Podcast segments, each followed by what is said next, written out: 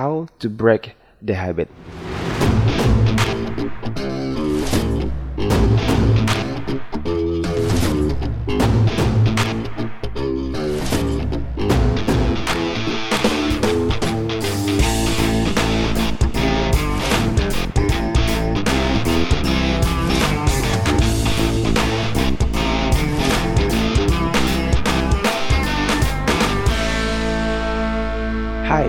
Welcome back to this podcast. Balik lagi di podcast kita kali ini.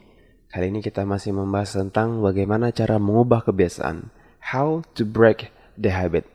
Di episode yang sebelumnya, kita sudah menuliskan beberapa buah kebiasaan yang ingin kita ubah. Nah, ini tidak berarti kita harus mengubah semua kebiasaan tersebut dalam satu waktu ataupun bersamaan.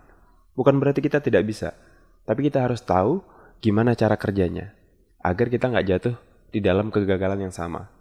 Jadi hal ini pernah saya alami beberapa tahun yang lalu saat mengawali tahun 2016. Saya begitu semangat untuk melakukan perubahan di dalam diri saya. Berbagai resolusi saya tulis dengan rapi. Gak cuma rapi, tapi banyak sekali yang ingin saya capai saat itu. Saya menargetkan bentuk tubuh yang six pack gitu ya. Lari pagi setiap hari, terus penghasilan puluhan juta setiap bulannya. Masih banyak lagi. Setiap saya memulai rutinitas harian, saya hanya mampu bertahan selama beberapa hari saja. Setelah itu, balik lagi pada kebiasaan yang lama. Saat itu saya belum bisa mengerti gimana sebuah kebiasaan dapat terbentuk.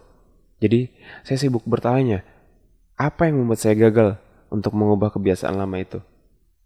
Dan parahnya, saya terus menyalahkan diri saya sendiri gitu, bahwa saya nggak disiplin, bahwa saya nggak serius dalam mengubah kebiasaan.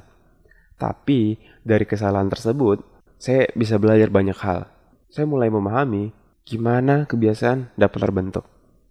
Kebiasaan kecil ini mulai saya dapatkan saat saya berhasil mempertahankan kebiasaan lari pagi. Nah, hingga hari ini. Jadi, dari kebiasaan kecil tersebut, saya juga bisa menerapkan strategi yang sama gitu untuk membentuk kebiasaan lain. Misalnya saya ingin membentuk kebiasaan tidak tidur setelah subuh, terus membaca Al-Quran setiap hari, sampai akhirnya membuat podcast ini, walaupun baru episode ketiga nih.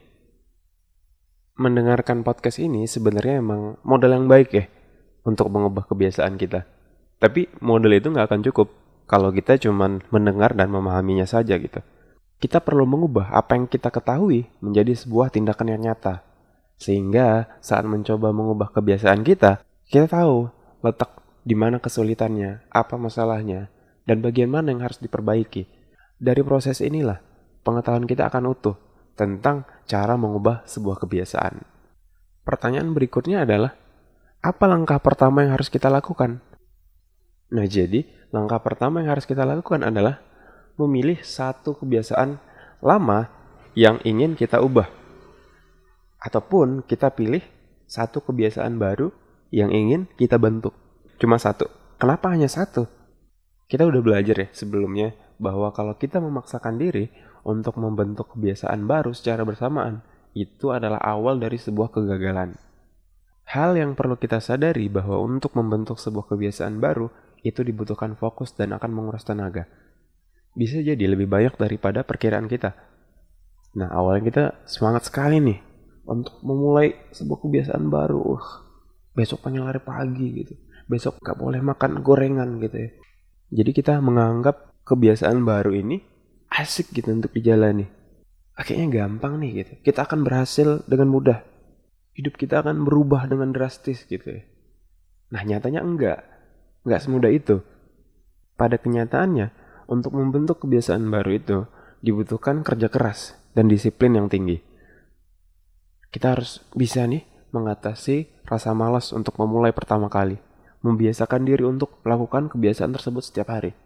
Belum lagi dampak negatif yang kita dapatkan saat baru memulai kebiasaan tersebut.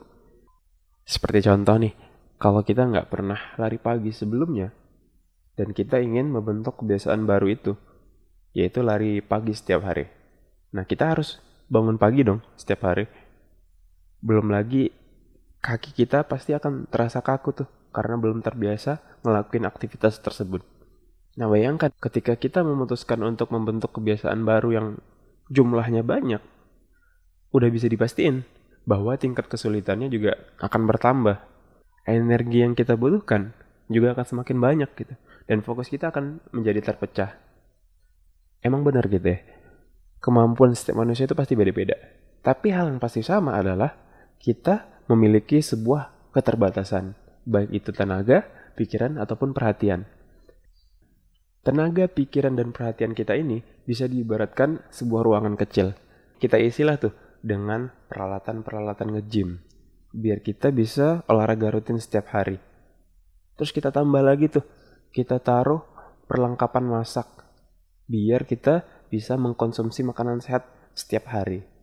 Terus kita taruh lagi perlengkapan studio biar kita bisa buat konten setiap hari. Pertanyaannya adalah, apa yang terjadi kalau misalnya ruangan kecil ini dimasukin semua peralatan yang kita butuhkan? pasti akan terasa sempit sekali dong. Hal inilah yang terjadi saat kita memaksakan untuk membentuk kebiasaan baru secara bersamaan gitu. Tenaga, pikiran, dan perhatian kita yang terbatas itu akan terkuras. Dan gak akan menyisakan ruang gitu untuk kita melakukan hal lain. Hal yang berbeda akan terjadi kalau misalnya kita fokus sama satu kebiasaan. Misalnya, ruangan itu hanya kita isi dengan peralatan-peralatan nge-gym. Jadi tentu kita akan lebih fokus untuk olahraga secara rutin. Tenaga pikiran dan perhatian kita nggak akan terbagi gitu untuk hal lain. Kita juga akan dapat hasil yang maksimal.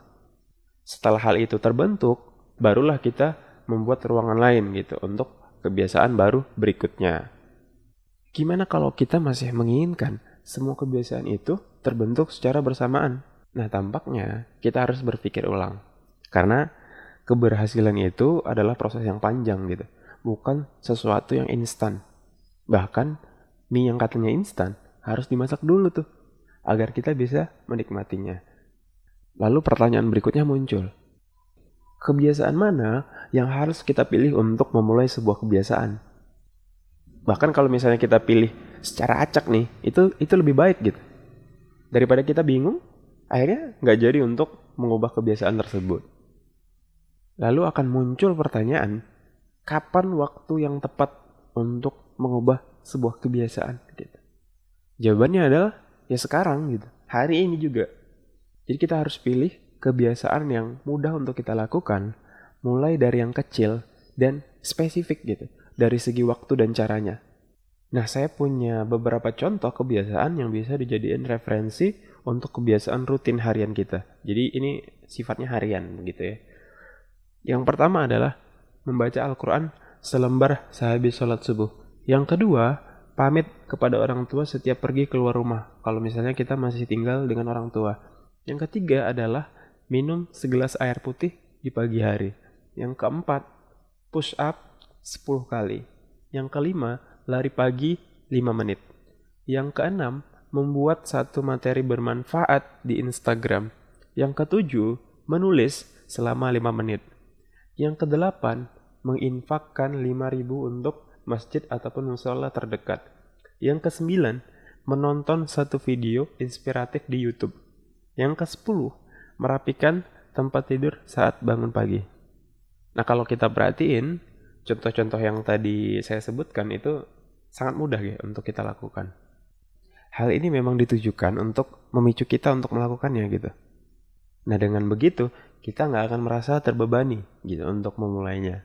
Nah, setelah kita memilih satu kebiasaan, maka kita harus menulis kebiasaan tersebut di dalam sebuah catatan. Nah, catatan inilah yang nantinya akan kita gunakan untuk mengevaluasi perubahan yang telah kita lakukan. Terima kasih untuk teman-teman yang udah mendengarkan podcast ini. Jangan lupa di-share dan subscribe kalau misalnya teman-teman belum. See you next time.